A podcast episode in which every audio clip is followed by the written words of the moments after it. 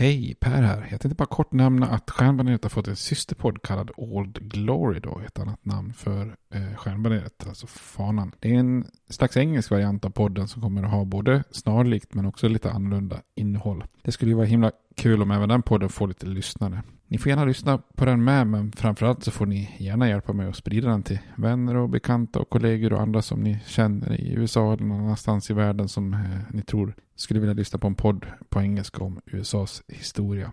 Tack, det var bara det jag ville säga. Nu kommer avsnittet. Hej då! I'm Sandra, and I'm just the professional your small business was looking for. But you didn't hire me because you didn't use LinkedIn jobs. LinkedIn has professionals you can't find anywhere else, including those who aren't actively looking for a new job but might be open to the perfect role, like me. In a given month, over 70% of LinkedIn users don't visit other leading job sites. So if you're not looking on LinkedIn, you'll miss out on great candidates like Sandra. Start hiring professionals like a professional. Post your free job on linkedin.com/people today. Hey, it's Ryan Reynolds, and I'm here with Keith, co star of my upcoming film, If, only in theaters, May 17th. Do you want to tell people the big news? All right, I'll do. Sign up now and you'll get unlimited for $15 a month in six months of Paramount Plus Essential Plan on us. Mintmobile.com slash switch. Upfront payment of $45 equivalent to $15 per month. Unlimited over 40 gigabytes per month. Face lower speeds. Videos at 480p. Active Mint customers by 531.24 get six months of Paramount Plus Essential Plan. Auto renews after six months. Offer ends May 31st, 2024. Separate Paramount Plus registration required. Terms and conditions apply if rated PG. Millions of people have lost weight with personalized plans from Noom, like Evan, who can't stand salads and still lost 50 pounds. Salads, generally, for most people, are the easy button, right? For me, that wasn't an option. I never really was a salad guy. That's just not who I am. But Noom worked for me. Get your personalized plan today at Noom.com. Real Noom user compensated to provide their story. In four weeks, the typical Noom user can expect to lose one to two pounds per week. Individual results may vary.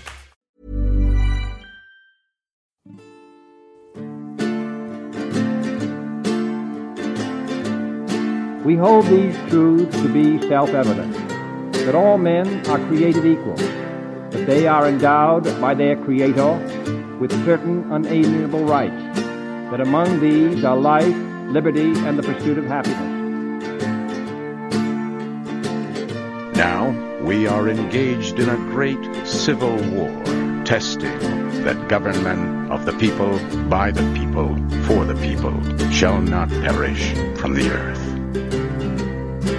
And so, my fellow Americans, ask not what your country can do for you. Ask what you can do for your country. I have a dream. My four little children will one day live in a nation where they will not be judged by the color of their skin, but by the content of their character. Mr. Gorbachev, tear down this wall. I did not have sexual relations with that woman, Miss Lewinsky. Då hälsar vi välkomna till Stjärnbaneret, en podcast om amerikansk historia, Amerikas historia får vi säga. Och idag ska vi eh, eh, prata om eh, Vermont. Det blir ett litet specialavsnitt här om den fjortonde staten, om jag har förstått det hela rätt va? Helt korrekt. Och du är med mig som tur är Per. Jag har väldigt lite kunskap om Vermont. Men eh, jag hoppas att du kan lotsa både mig och lyssnarna igenom den här eh, eh, staten och dess historia. Ja, precis. Vi tänkte att vi bryter in här. Det är ju tidsmässigt ganska nära de avsnitten som vi har gjort i den här översiktsserien innan. Och vi har ju tänkt att vi ska bryta av med lite andra ämnen och så. Så att det tänkte vi att det kunde passa med ett litet, kanske kortare avsnitt om, om Vermont. Mm. Jag tycker det ska bli lite spännande om en stat igen. Det har ju varit lite om eh, mer eh, ja, händelser då. I, eh, vi, vi började ju översiktsserien här med att etablera de här 13 kolonierna. Då var man ju mer inne på just stater än personer och händelser kanske då. Men... Precis. Så vi får se vad du kommer ihåg om New England, som ju var regionen vi etablerade då. Åh, som, det- eh, som, till, som det här området tillhör, men som inte fanns då. då Ja, koloni. just det. Men det, det blir som ett läxförhör eller? Ja, jag kommer nog Ja, köra det som okej. Ja, vi får se vad jag kommer ihåg. Du får smyggoogla ner. så. Ja, får göra det. Ja, men bra. Men innan vi börjar hoppa in här på Vermont då, så behöver vi komma med någon, något öltips som vanligt. Våra, vi har fått viss uppskattning för att faktiskt ha de här öltipsen så vi får, fortsätta med dem. Ja, det tycker jag vi gör. Ja, det kan vi väl i och för sig eh, säga att i, i det här fallet så var det inte så svårt. Eller? Nej, alltså um, på rak arm sådär om Vermont kanske inte jag hade koll. Jag visste ju att det tillhörde New England-distriktet så. Eh, Men du, du hade kollat upp lite mer där också, att det var det tätaste. Ja, det är ju en väldigt eh, öl, en riktig sån ölstat. Det är flest bryggerier per capita faktiskt av alla delstater. Så Ja. att det är otroligt. Nu är sig inte Vermonts befolkning som vi kommer gå in på så säkert stor men det är ju ändå imponerande att ha flest bryggerier per capita. Ja, det får man säga. Jag, jag kikade också upp lite då, vilka bryggerier och sådär. Det finns ju tre relativt kända då om man tänker i eh, craft beer eh, där. Eh, så finns det tre på rad längs en, en, eh, en väg om jag förstått det hela som kallas då eh, IPA Highway. Det låter som en Ja. trevlig utflyktsväg. Ja. En av dem är väl den här, den här då, The Alchemist, Alkemisten. Som då, det hade du kollat upp, det är de som ligger bakom den första New England IPAn då. Ja, precis. Vi har väl nämnt den, tror jag, tidigare. Det är den här nya, nya IPA-varianten som, som är lite grumlig. Som nästan ser ut som lite apelsinjuice kan man säga. Och, och det verkar som att, eh, om, vi, om jag läste rätt här, att den, det var ju lite sådär, vad ska vi kalla den här stilen? Och då ville ju de som brygger den i Vermont gärna att den skulle heta Vermont IPA. Så Mm. att, ja, Men det blev det inte, det blev NEIPA, eller New England IPA då. precis. Det är lite East Coast, West Coast där. Annars är ju västkusten känd för sina IPor. De lite torrare, eh, klarare IPorna. Så att, Ja. eh, jag tycker det är lite Biggie Tupac där mellan kusterna, IPor. Ja. Ja.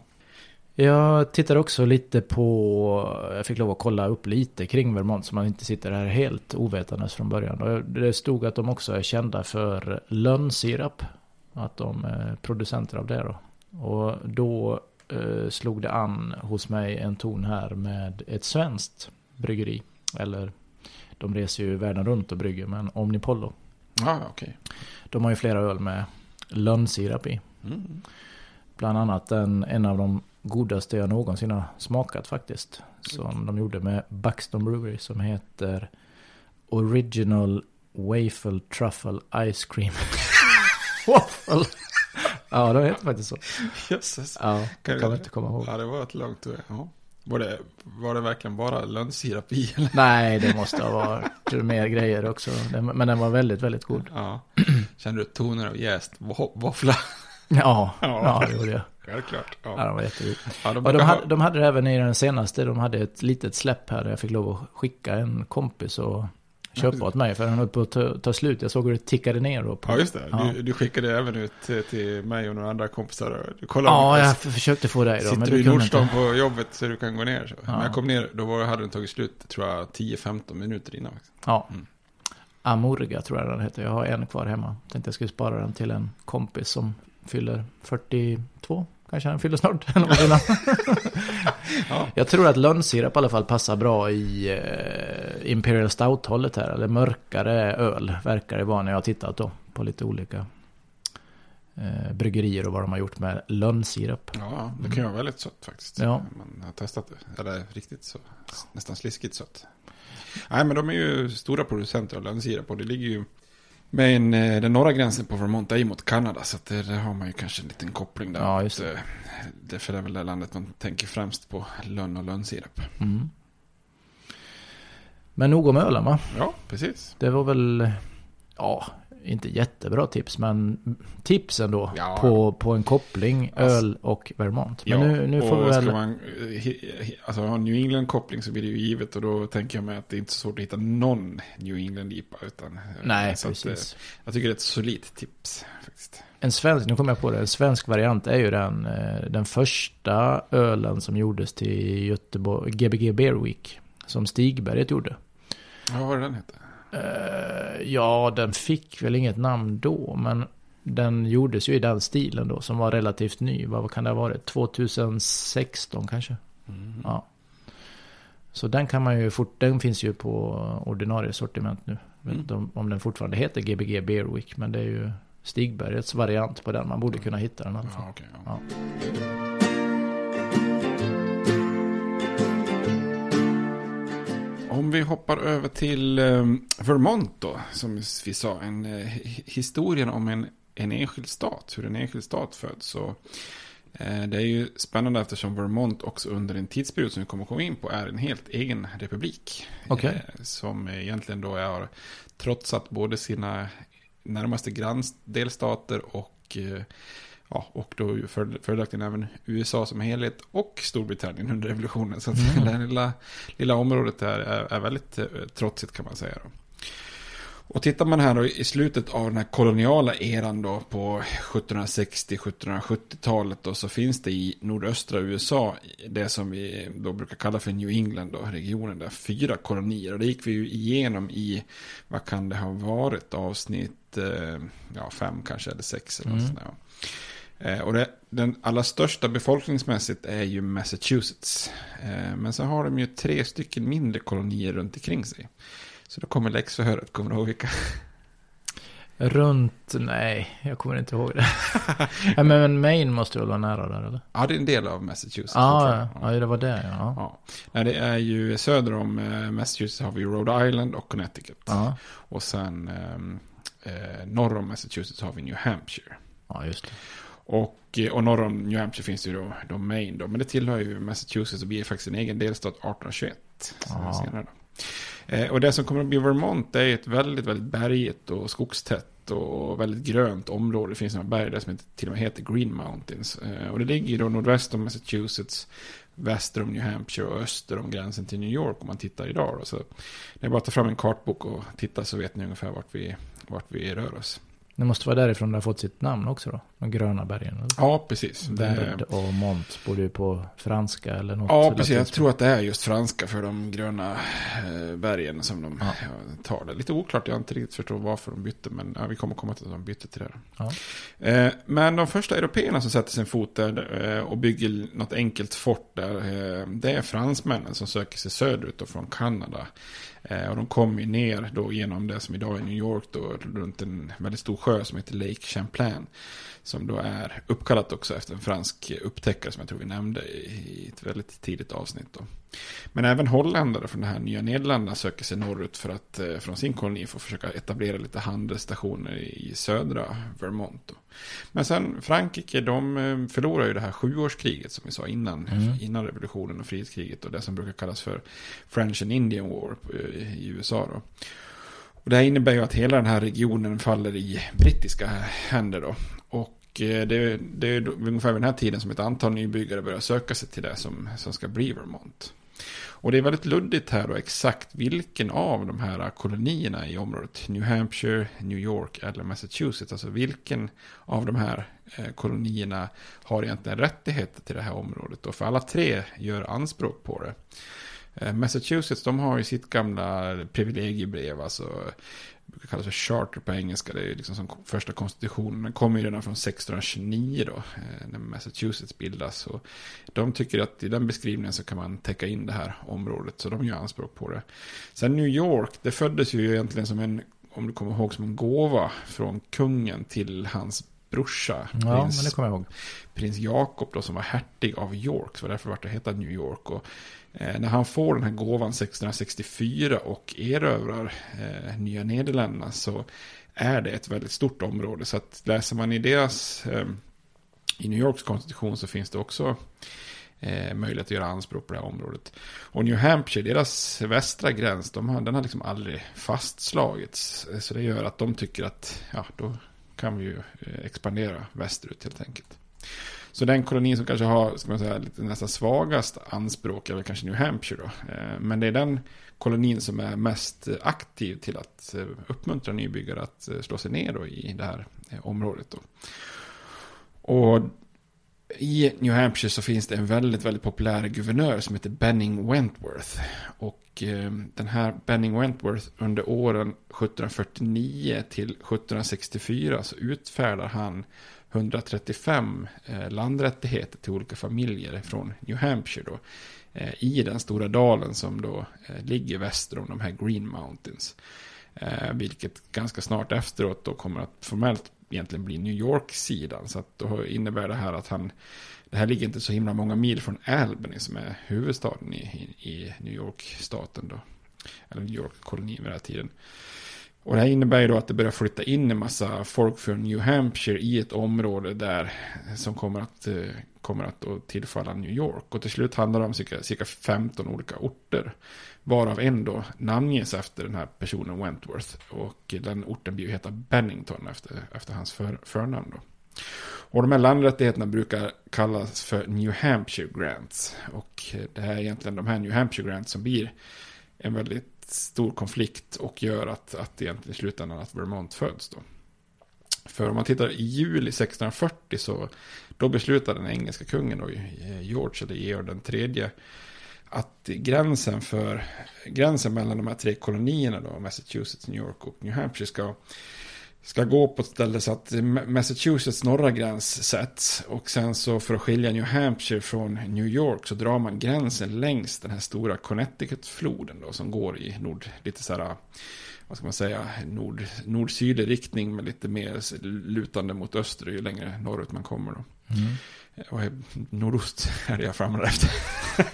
Ja, på åt vilket håll den flyter då. Ja, den, kan ju då den kan ju flytas syd, sydöst Ja, precis. Ja, ja. ja det, det gör den ju säkert. Ja. Men det är ju mer, vad, hur, hur uttalar man det? Det blir nord-nordöst. Ja, men det låter ju bättre om det är mer Fast nordligt. Fast den flyter kanske snarare syd, sydväst. Nej, sydöst då. Nej, sydväst blir det. Ja, det blir så. Ja, ja, okay. mm. Som ett, eh, som ett streck. Det här, blir, det här blir solklart för de ja. som lyssnar. På... Ta fram kartboken, men det, det, är som ett streck snett uppifrån till vänster. Beskrev du det nästan som eh, mina elever ja, ja, uppåt på gatan. Ja, uppåt, ja. uppåt och snett neråt. Ja. Men hur som helst, det här, den här gränsen som de drar då mellan, äh, mellan New Hampshire och New York, det är egentligen i princip den moderna gränsen mellan Vermont och New Hampshire. Så tittar ni på kartan idag så ser ni den gränsen. Det är bara att man tänker att Vermont då tillhör, tillfaller, tillfaller New York då istället. Mm. Och kungens beslut då här gör ju då att, eh, som sagt, att Vermont tillhör New York. Och de styrande i New York, de vägrar ju erkänna de här landrättigheterna som han, eh, Wentworth, har, eh, har utfärdat då. Och man anser att kungens beslut gäller, gäller retroaktivt. Så att de börjar upprätta sådana här counties i det här området. Och massa administration då, och kräver att de boende köper de här landrättigheterna från New York till ganska höga priser. Och att man också då erkänner eh, New Yorks styre då, att man är lojala mot New York. Och för de som har flyttat in från New Hampshire så är det här helt eh, oacceptabelt. Då. Och, men New York de vägrar och så de inleder ju rättsliga processer mot de som har mark enligt de här New Hampshire grants. Eh, för de tycker inte det är så roligt, man kan, kan nästan förstå det själv, man, man köper liksom nästan sin mark två gånger så att säga, eller så mm. blir man av med den. Och för att försvara sig då så bildar de boende i det som blir Vermont en slags milisstyrka. Och eh, den här milisstyrkan brukar kallas då för Green Mountain Boys. Det är väl bra namn. Ja, verkligen. Ja, låter som en Soggy Bottom Boys. Ja. jag tänka på den låten. Um, eller den låten, de kanske har gjort flera, men jag tänkte på den som är från uh, filmen. Oh, oh Brother. brother. Ja. Ja.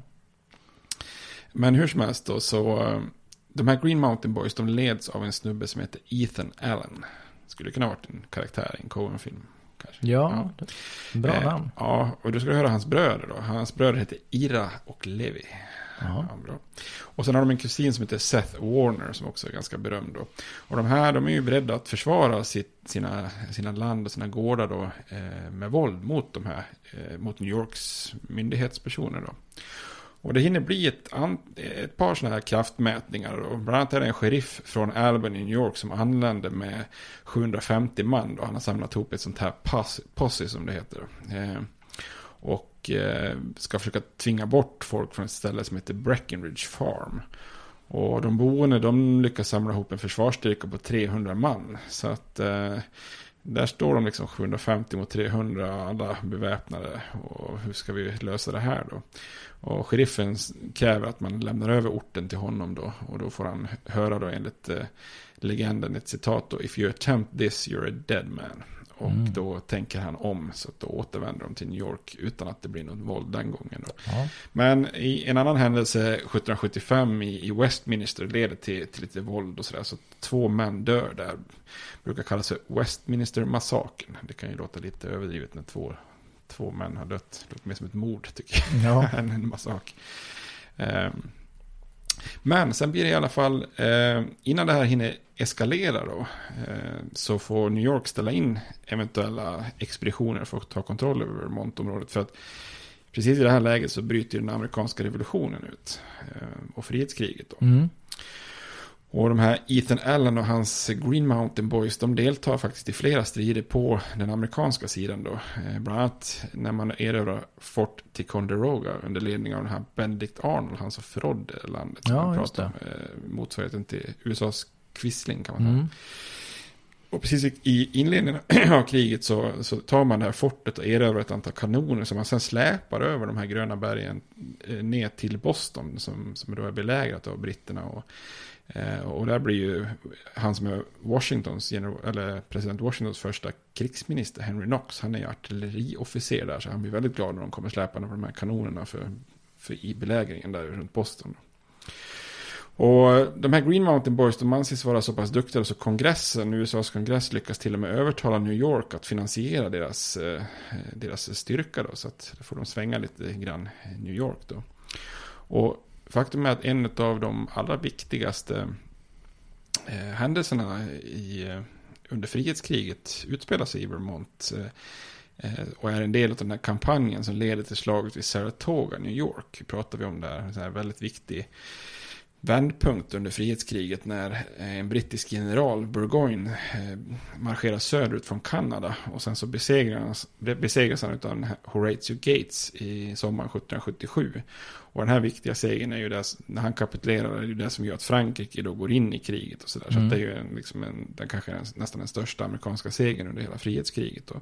Och när han är på väg söderut från, från Quebec, Kanada och den här Burgoyne så skickar han lite styrkesätt till höger och vänster för att ja, förstöra, skaffa lite förnödenheter och sånt där. Och det här sprider ju skräck då längs hela Vermont.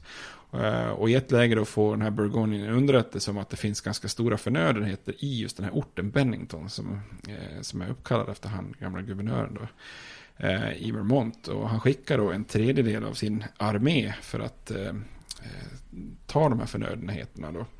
Och under tiden han inte vet då är att New Hampshire har mobiliserat sin milis under en man som heter John Stark och skickat den västerut för att försvara sin gräns.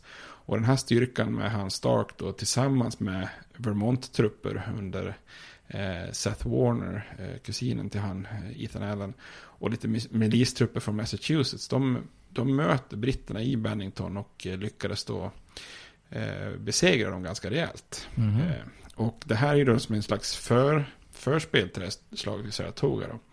Så det här viktiga segern då i Bennington, det gör ju att han Burgoyne aldrig riktigt hämtar sig. Och det Nej, om, bidrar man, ju... om man tappar en tredjedel där. Ja, så. precis. Så, så det, det gör ju det att han då, ja, det, här, det hjälper ju väldigt mycket till då vid Saratoga, att han faktiskt kapitulerar där. Så att eh, det, det, det utspelar sig faktiskt i, i Vermont då. Mm.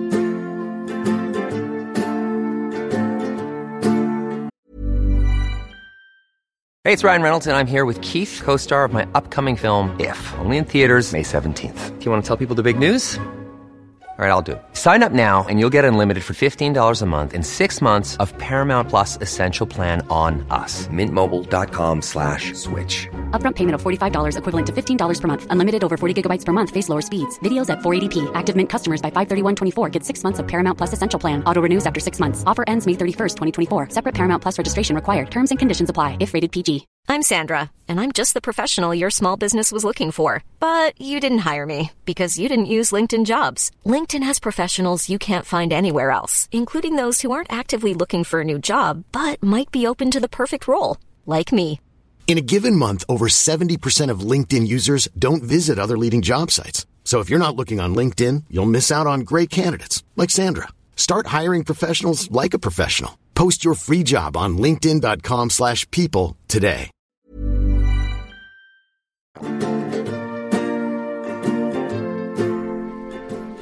Men de boende i Vermont och de samlas i januari 1775 eh, i en så kallad säkerhetskommitté.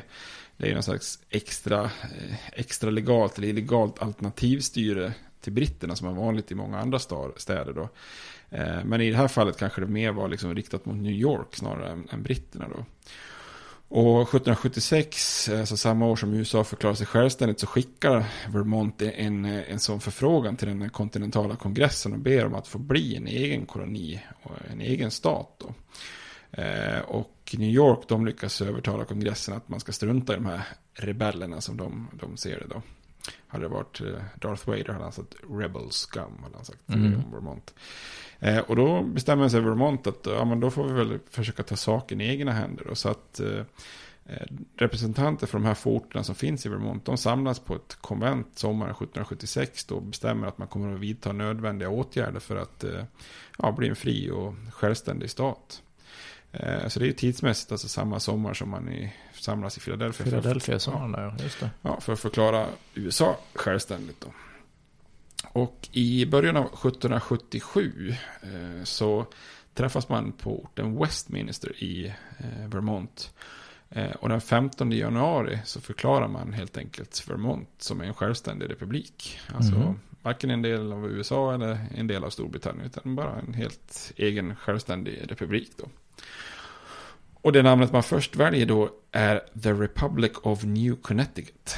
Mm. Så, så, och, men i folkmun då så, så kallas, kallar de förresten det här Republic of the Green Mountains. Mm.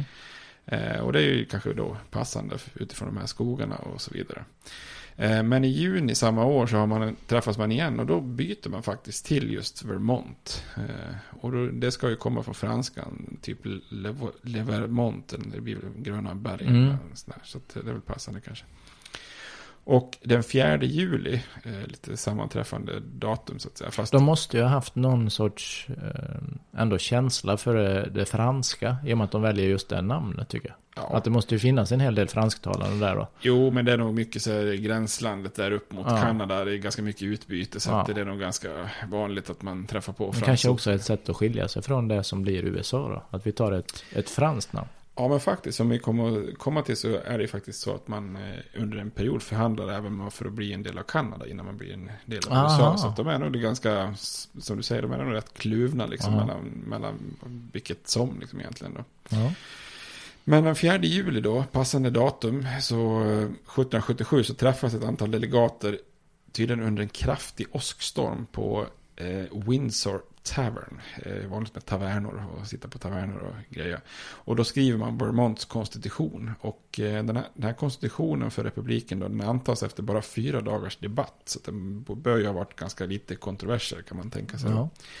Och den här konstitutionen faktiskt, den är lite så här glömd, men den är faktiskt väldigt unik för att vara hela den amerikanska revolutionseran där. För det är många sådana här ska man säga, första saker som, inte, som kommer att bli standard i USA sen, men som Vermont är först med.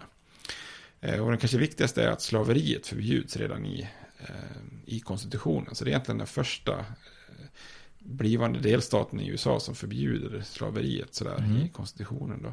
Och sen så ger man också rösträtt till alla män, trots att man inte äger någon egendom, vilket också är väldigt unikt för den här tiden. Så det är ju liksom så nära man kan komma allmän rösträtt eh, på den här tiden om man nu bara fokuserar på vita män. Då. Och sen så slår man till och med fast i, i konstitutionen att det ska finnas en allmän skola. Det tilltalar dig som Ja, verkligen. Ja. så här är egentligen ganska sjukt att den här lilla, lilla regionen, eller Vermont, då, förklarar sig helt självständigt. Och det innebär att man alltså trotsar både Storbritannien, USA och sina närmsta grannar, då, New York, New Hampshire och Massachusetts på massa olika plan. Och den här republiken den överlever faktiskt 14 år. Eh, under åren 1777 till 1791 så är Vermont en helt egen liten självständig republik som sköter sig själv med eget postväsende, egen administration och så vidare. Då. Mm. Och det är framförallt den här Ethan Allen och hans bröder, den här Seth Warner. Och sen så har vi, är det en person som eh, i princip nästan är guvernör alla år. Som det här självständigt, han heter Thomas Crittenden. Eh, lustigt namn faktiskt, för just Thomas Critton, det är en person som, en annan person som är väldigt känd under amerikanska inbördeskriget också. En sån här klassisk inbördeskrigsfamilj som splittras. Det vissa, vissa bröder blir generaler i norr och vissa generaler i söder. Så alltså, mm. Verkligen splittrat. Ja, det var en parentes. Men eh, under de här 28 åren då, från det att det här, man börjar slå, ner, slå sig ner här 1763 till 1791 och när man blir en del av USA så växer befolkningen från eh, 300 till åt- 85 000. Så det är inte sådär eh, jätte, jättelite för den här tiden då. Nej. Sen är det ju en, en ganska liten stad, eller stat idag, Vermont, som vi kanske kommer till då. Men man är alltså inte en del av, av USA, för att New York anser ju fortfarande att det här är en del av New York då. Så att eh, de ser ju till att blocka och vägra att, eh, eh, att Vermont blir en, en, en delstat. Och innan den här nya konstitutionen för USA kommer, då har ju varje delstat vetorätt. Det pratar vi om att till exempel lilla Rhode Island stoppar beskattningsförslag med bara, ja, vi lägger veto. Så även om de andra staterna skulle vilja ta upp Vermont som en delstat så, så kan ju New, New York hela tiden blocka det genom att lägga veto. Då. Så det här innebär att år 1780 så är de här Allen-bröderna och eh, den här Critten, den, då är de som jag nämnde innan, de är involverade i förhandlingar med den brittiska guver- guvernören i Kanada för att diskutera ifall Vermont ska bli en brittisk eh, provins. Men det här faller lite grann för att det kommer den här nyheten om han eh, Lord Cornwallis. En brittisk provins har du. Ja, precis. Om, om, ja, precis. Kanada tillhör ju Ja, britterna. ja, vi sa, ja. Då blir det, ja, det blir en kanadensisk provins, men det blir ju en brittisk. Ja, ja, så, en del ja, av- det förklarar. Eh, Men då kommer den här nyheten eh, om han Cornwallis eh, kapitulation vid Yorktown. Och det gör att de här för- förhandlingarna strandar lite. För att då blir det lite så här, ja, men det kanske inte är så bra att tillhöra förlorarna. Utan, Nej, ja. just det. Så att till slut då blir det så att först 1791 då så blir Vermont en del av den här federala unionen då. Och en delstat i USA. Och man upptas då därför att då finns det en har det kommit, det kan vi nästan göra ett eget avsnitt av, men Daniel Boone har ju eh, lett vägen här över så att man har befolkat Kentucky och Tennessee. Och, Mm. eh, och då vill man uppta Kentucky som en, eh, en stat i unionen. Och där, det är, Kentucky är ju egentligen västra Virginia. Mm. Så att där finns det slaveri och då vill man kanske balansera så man får en fri stat, en slavstat. Man gör ju väldigt mycket så i USAs tidiga historia att man tar upp staterna som par, en fri och en slav för att liksom hålla balansen. Jaha. Eh, Och det är faktiskt så som Maine då som sen blir en egen stat, också där uppe i nordöst, och tillhör New England. Den tar sig upp som jag sa innan 1821. Mm. Eh, Och det är ju för att balansera att man tar upp Missouri som en slavstat. Det är en väldigt stor kris där eh, i eh, 1820-talet där som brukar kallas för just Missouri-krisen. För att man, eh, man dividerar huruvida Missouri ska bli en slavstat eller inte. Och så får det bli en slavstat men då tar man upp Maine för att behålla balansen i senaten och sånt där. Det här kommer vi säkert återkomma till. Ja, precis det kommer vi att göra. Så att 1791 blir då Vermont den 14 staten. Och året efter så kommer Kentucky som den 15 staten. Så att Vermont är ju den första delstaten som eh, tillkommer utöver de här 13 ursprungliga. Då. Ja. Och då har vi historien om just Vermont också. State 14. State 14, ja. Tänk när vi summerar här längre fram, när vi är framme, då har vi State 50. Då, då tackar vi alla för den här lyssningen. Ja, då är det det, var, det var, vi ska vi se, det Alaska eller Hawaii? Jag har glömt bort vilket som är, det är några av dem, de är ju sist. Och Ja. Alaska, Hawaii, ja. Vi tackar. Ja. Jag skulle säga Hawaii. men- Ja, jag tror det blir Hawaii. Jo, jo men det är det bara. Ja. Nej, så att eh, tittar man lite på Vermont idag då så är huvudstaden heter faktiskt Montpellier. Alltså precis som franska orten och som James Madisons plantage heter faktiskt också lite Mhm. udda. Faktiskt. Och befolkningsmässigt, jag sa här 1791 när det blir en delstat så är det 85 000. Eh, och det är ju inte sådär enormt många som bor i Vermont idag. Det är ju 600, ungefär 624 000 drygt. Mhm. Så det gör ju att man kommer på 49 plats eh, i, an, i befolkningsstorlek. Så Mm. att det är näst, näst sist. Vet du vilken som kommer sist? Rhode Island. Nej, faktiskt. Nej, de har faktiskt lite sto, större städer. Så Ja, just det, det har de. Men det är faktiskt Wyoming. Jaha. Ja, det är de, här, de har inte så mycket befolkning där, Wyoming. Men det är ganska stor yta. eller? Ja, det är jättestora stater. Men Ja. typ de här Dakota, båda Dakota och Wyoming, de har inte Idaho, de har ganska lite befolkning fastän det är hyfsat stora ytor faktiskt. Då. Och den största staden i Vermont är ju Burlington. De har 42 000 invånare, så då fattar man att Vermont är en ganska, ganska liten eh, delstat. Ja. Du reste inte upp dit någonting? Nej, eller? jag gjorde inte det. Jag har varit i alla de andra New England-staterna där. Men eh, då ska man behöva in bland bergen. Och, Ja, just det. Ja, det, du vet, jag är ingen naturmänniska. Så den här Green Nej, Mountains, det det är nog mest vilsen. Men om du hade vetat att eh, den här New England-IPan var på väg att skapas där och att det var så tätt eh, bryggerimässigt. Då kanske du hade Ja, åkt precis. dit. Ja, Men här, när du åkte där tänker jag att du hade mycket fokus på just eh, historia. Ja, jag försökte ju väva in sport och öl också. Ja. Men eh, historien kanske inte var nummer ett prio. Men Ja. ja, ja Highway, vad heter den? IPA Highway. Den, Ja. den låter ju lite sådär. Skulle man vara i närheten en gång till så kanske man skulle ta en avstickare. Ja. Några, några dagar. Nu säger man det lite för svenskat egentligen. IPA, man ska väl säga IPA då? Ja, IPA precis, Highway. ja. Ja. Mm. precis.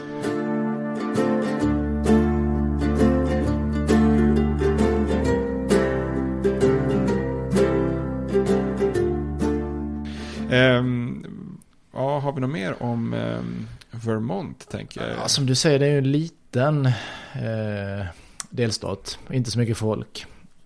Och eh, det gör ju att det finns inte så många kända personer därifrån heller. Men vi har en president som är född i Vermont. Vet du vilken?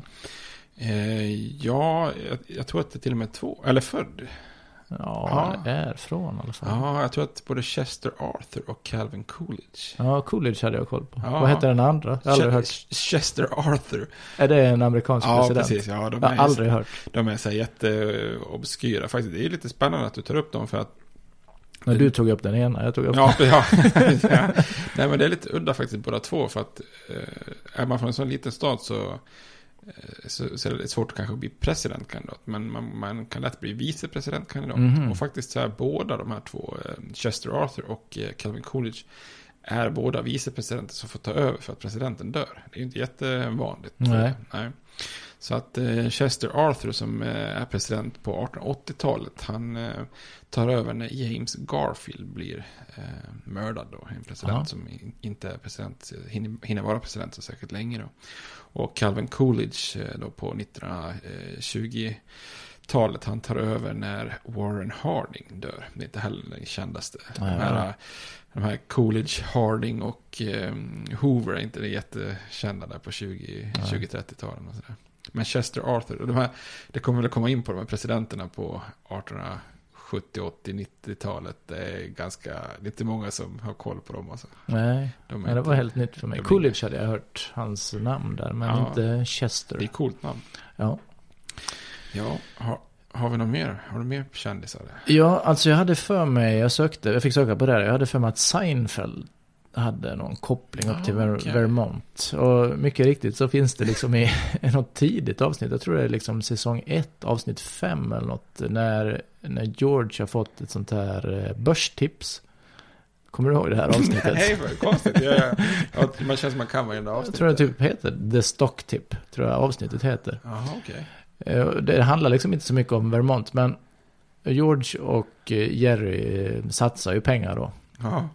I någon bransch där, eller via någon kille. Eh, Men det visar ju sig att de, de här aktierna sjunker och sjunker och sjunker. Jo, nu ringer en klocka. Ja. Och eh, George bestämmer ju sig för att han ska inte sälja. Han säger ju något I will go down with this ship eller någonting sånt där. Va? Och Jerry säljer väl då till brakförlust. Och i samband med det här, det, här har jag liksom fått läsa på, jag kommer inte ihåg det själv, men då, har Jerry åkt med någon flickvän till Vermont och det regnar hela tiden där. Så de sitter bara inne och blir uttråkade och ja, det tar väl typ slut där då. Ja, ja. Och hon anklagar honom att de åkte till Vermont bara för att han förlorade pengar. Så här, Då tog mig bara till Vermont. Ja, Så det är väl inte så rolig koppling kanske för staten Vermont och, och bli ihågkommen för. ja, ja, ja. Sen eh, när det gäller amerikansk eh, politik har vi också Bernie Sanders. Har ju Ja, varit precis. eh, ledamot, va? han är ju senator sedan, vad kan det vara, 2006, Ja, Jag har dålig koll på det. 4, 2006 skulle jag säga. Ja. Men innan det så var väl han då representant för Vermont. Mm, mm. Men han är ju inte född i Vermont, han är ju från Brooklyn, New York. Ja, precis. Han har Ja. Brooklyn-dialekten. Ja. Ja. ja, nej, han är ju... Och det är väl det som gör att han kanske också... Han är ju känd för att vara väldigt liberal. Han till och med kallar sig för socialist och, och liksom independent och lite sådana där grejer. Så det var ju många som pratade om det. Att kan han verkligen vara och lita på som en demokratisk kandidat. Mm. Och då tänker man honom som extremt liberal. Men just eh, han är ju inte för så mycket. Ja, han är ju ganska för stark vapenrätt till exempel. Och det är ju för att Vermont är väldigt sådär jakt och Ja, skogs det. och sådana saker. Så kan han inte gärna representera dem och vara uh, tough on eh, crime, eller säga tough on guns. Ja, vi har också en annan historisk person som är född eh, eh, i Vermont. Brigham Young. Jag har aldrig hört talas om. Nej, det- han är kanske inte sådär så att Om inte du har pratat om honom Nej, det har tidigare, jag inte gjort Nej, innan. jag känner inte igen Men namnet. det är, det är nog ingen man tänker sig så mycket på i Sverige då. Men eh, han är eh, mormonledare. Väldigt Mhm. känd då. Mormonerna.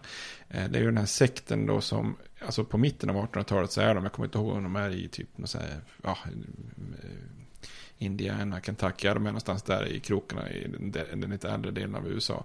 Eh, Men då får han för sig att han ska ta alla sitt folk med sig och dra västerut eh, på mitten av 1800-talet. Och eh, de drar ju då så pass långt västerut så de hamnar i det som, och grundar det som blir Utah. Mm.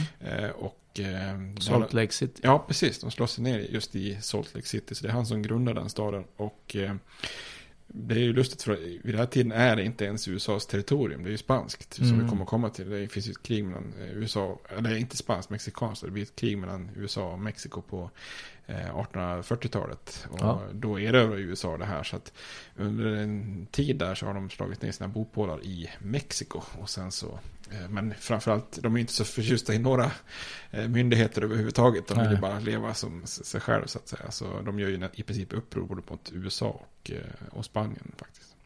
Fast det är en annan historia. Ja, precis. Och sen tror jag, om jag inte har helt fel, så tror jag att glassen Ben Jerrys är från Vermont. Mhm.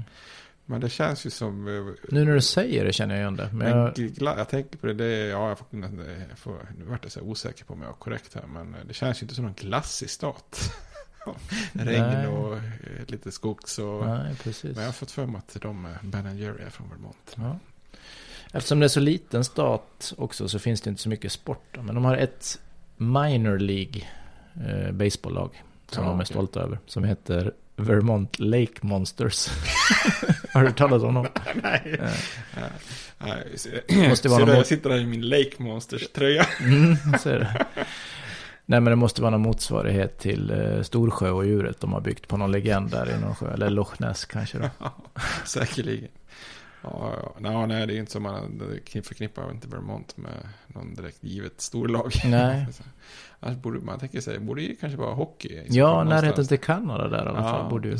Det kanske finns en del hockeyspelare från Vermont. Ja, kan man nog tänka sig att det finns. Det är det är ju inte så långt till de här övre delen av eh, New York. Och där är väl både de här städerna Rochester och eh, Buffalo. Och, Mm. Så att det borde säkert generera några lite hockeyintresse kan jag tänka mig. Och sen är det inte så långt över på kanadensiska sidan. Och där finns väl Toronto och alla de här. Så att Mm. det borde ju vara. Ja, Bra, men då har du koll på Vermont och den 14 nu staten. har jag lärt mig mycket om Vermont. Ja, gött. Ja. Ja, det är ju en liten, stat, men eh, vi får ju eh, beta av dem. Eh, kanske inte en och en, men det här tycker jag är lite, lite så intressant. För det, och det kommer väl också komma tillbaka till när det gäller Texas. För Texas och Vermont är väl egentligen de två delstaterna som är lite unika i att man har faktiskt varit en självständig republik Mm. i många år innan man tas upp eh, som eh, delstat i unionen. Texas är ju eh, en egen republik, jag tror 1836 till eh, 1845. Mm. Det är det här slaget vid Alamo, Davy Crockett och lite olika Ah. som eh, där man slår sig loss från eh, Mexiko och blir en egen liten stat. Och sen eftersom slaveriet finns där så är det väldigt kontroversiellt huruvida man ska ta upp den i unionen eller inte. Och så till slut så tar man upp den ändå på 1840-talet. Och då har man haft, jag kommer inte ihåg nio år som självständig republik. Eh, Och sen, eh, sen finns det även en liten kortvarig republik i Kalifornien. Republic of California som ibland kallas för Bear Flag Republic. Oj. Där eh, man gör ett litet uppror precis när det mexikansk-amerikanska kriget bryter ut. Mhm. Så i och med att Mexiko då förlorar ganska snabbt så blir inte den här republiken så långvarig utan då blir man en del av USA och sen så hittar man ju guld och så ja, och blir snabbt befolkningsökning och så blir Kalifornien snabbt en, en stat. Men det, det är Ja. faktiskt också, man kan söka på flaggor, det finns en, en liten flagga för Republic of Vermont och det finns eh, en, den är ju inte så känd men eh, i Kalifornien så heter ju till och med Bear Flag Republic för de hade en björn på, Mm. på flaggan då. Jag tänkte direkt på öl, men naturligtvis varför skulle det vara öl? Det var beer. Jaha, ja, ja. ja, nej, precis. Och sen så, ehm, eh, och Texas har ju, kallas ju för Lone Star Mm. Republic. Så att eh, den här flaggan med bara en stjärna, den är ju väldigt känd. Den använder de ju fortfarande lite så här med stolthet. Ja, precis. Men det får vi återkomma till då. Ja, precis. Men eh, då får vi väl eh, säga tack och hej. Tack. Tack, hej. Hej. States like these and their terrorist allies constitute an axis of evil. And if the hippies and the yippies and the disruptors of the systems that Washington and Lincoln as presidents brought forth in this country will shut up and work within our free system of government, I will lower my voice. If the impeachment provision in the Constitution of the United States will not reach the offenses charged here, then perhaps that 18th century Constitution should be abandoned to a 20th century paper shredder. Therefore, I shall resign the presidency effective at noon tomorrow.